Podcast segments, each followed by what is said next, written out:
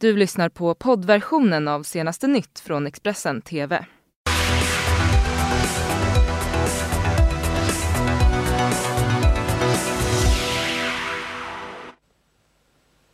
God morgon och välkommen till senaste nytt med mig Karin Bülow Orje. Det här är våra rubriker. 200 000 har tvingats lämna sina hem i de pågående bränderna i Kalifornien. Storbritannien går till nyval den 12 december.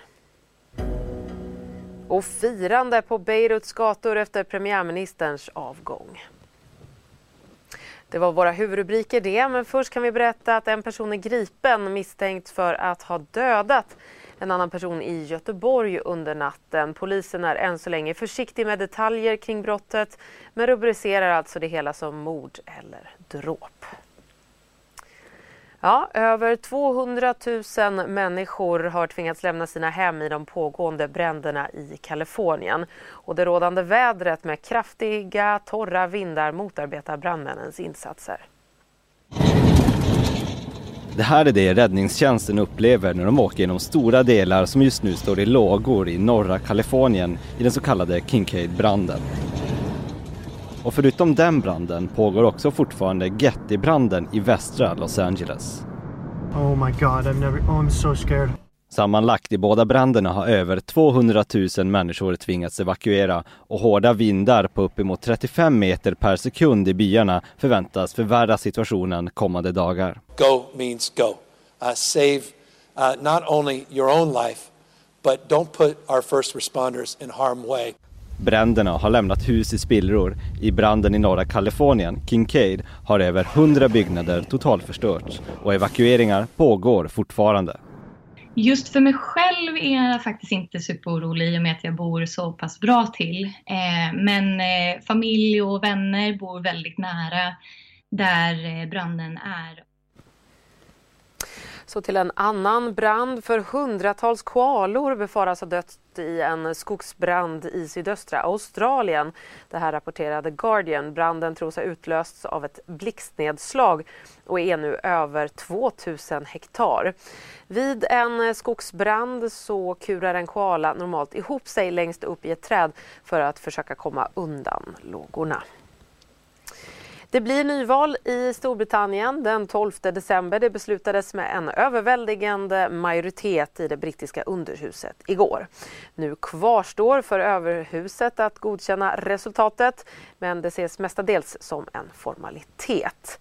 Tidigare i veckan så meddelade EU att Storbritanniens utträdesdatum skjuts på framtiden ännu en gång.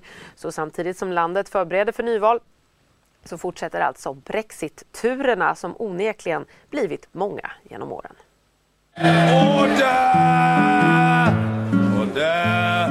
Det har varit svårt att hålla ordning på alla turer kring Brexit, men vi försöker reda ut. Den 23 juni 2016 gick britterna till valurnorna i det som vi alla kommer att kalla för Brexit. I folkomröstningen var det 52 procent som röstade för ett brittiskt EU-utträde och 48 procent röstade för att stanna kvar. Det datum som först var bestämt för Storbritannien att lämna EU var den 29 mars 2019 och i november 2018 hade EU och den brittiska regeringen kommit överens om ett utträdesavtal.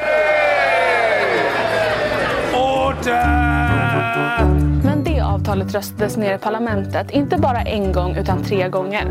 So the noes have it, the noes have it. I samband med att parlamentet röstar nej till utträdesavtalet väljer Storbritanniens premiärminister Theresa May att avgå.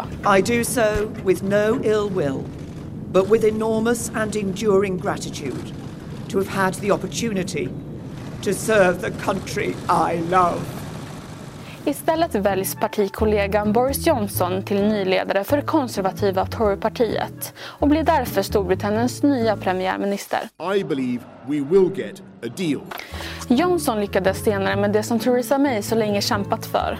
Det brittiska parlamentet röstade till slut ja till ett nytt utträdesavtal med EU. Men Boris Johnson ville snabbehandla avtalet på bara tre dagar, någonting som majoriteten av parlamentsledamöterna var negativt ställda till. De ville ha mer tid. Nu har EU27, vilket består av de länder som gick med i EU fram till 2013, kommit överens om att godkänna Storbritanniens önskan om en Brexit-förlängning till den 31 januari 2020.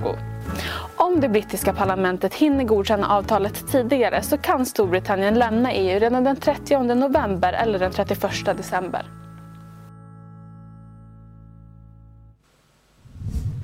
Så till Libanon. Beskedet om den kritiserade premiärministern Saad al-Hariris avgång firades bland demonstranterna på gatorna i Beirut igår. Och CNNs Ben Weatherman är på plats. Declaring he's reached a dead end, Lebanese Prime Minister Saad al Hariri submits the resignation of his National Unity government to President Michel Aoun. He was caught between nationwide mass protests and his partners in a government that, despite its name, was deeply divided. As is the country, made clear when hundreds of men, some chanting pro Hezbollah slogans, went on a rampage in Martyrs Square. The anti government protesters made encampment in the capital. They carried on to the square down the road from the Prime Minister, confronted by security forces who did not spare the rod. This melee was preceded by clashes between the protesters and local residents, angry at the tactic of road closures aimed at bringing the country to a standstill. But it's hurting hard pressed Lebanese who live hand to mouth, already squeezed by an economy teetering on the brink of collapse. Whoever works for a daily wage can't work, can't buy food, says Ali Hamid, a driver. I haven't worked since this began. By evening, the protesters were back in the squares. Though fewer in number, they celebrated the fall of the government, a victory of sorts. But their demands for an end to official corruption and sectarian politics are far from being met.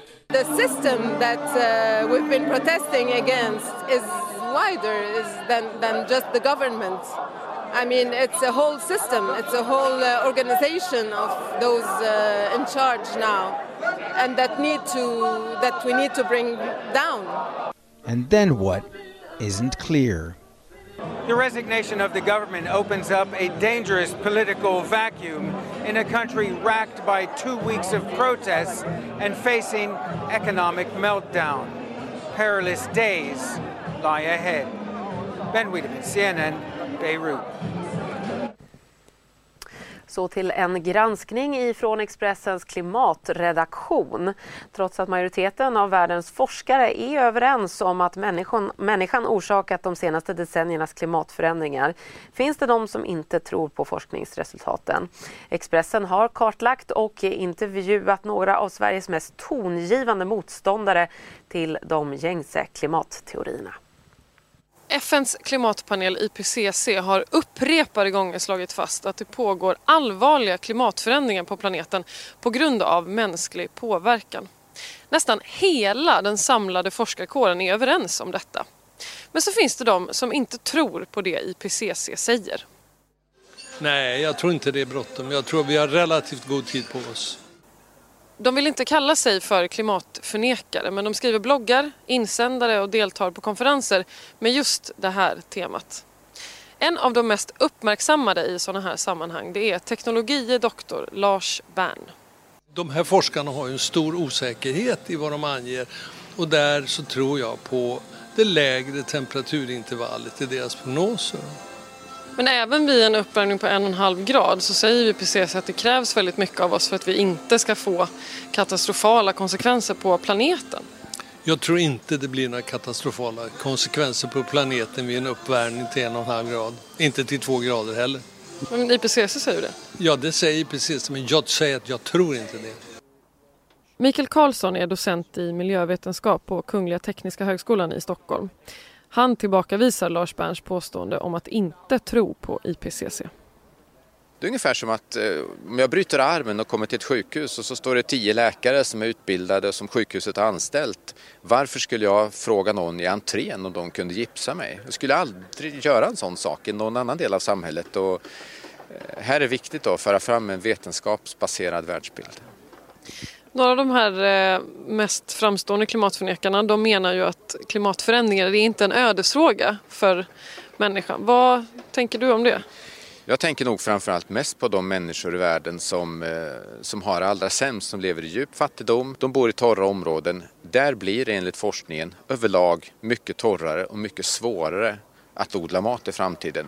För dem är det här en ödesfråga. Och, eh, då är det lätt att sitta i Stockholm och läsa på olika bloggar och tro att man vet bättre än den samlade vetenskapen. Men jag tycker det är moraliskt förkastligt faktiskt. Vänsterpartiet vill skärpa straffet för sexköp av vuxna och vill inte längre att man enbart ska dömas till böter om man döms för sexköp. Det rapporterar Ekot.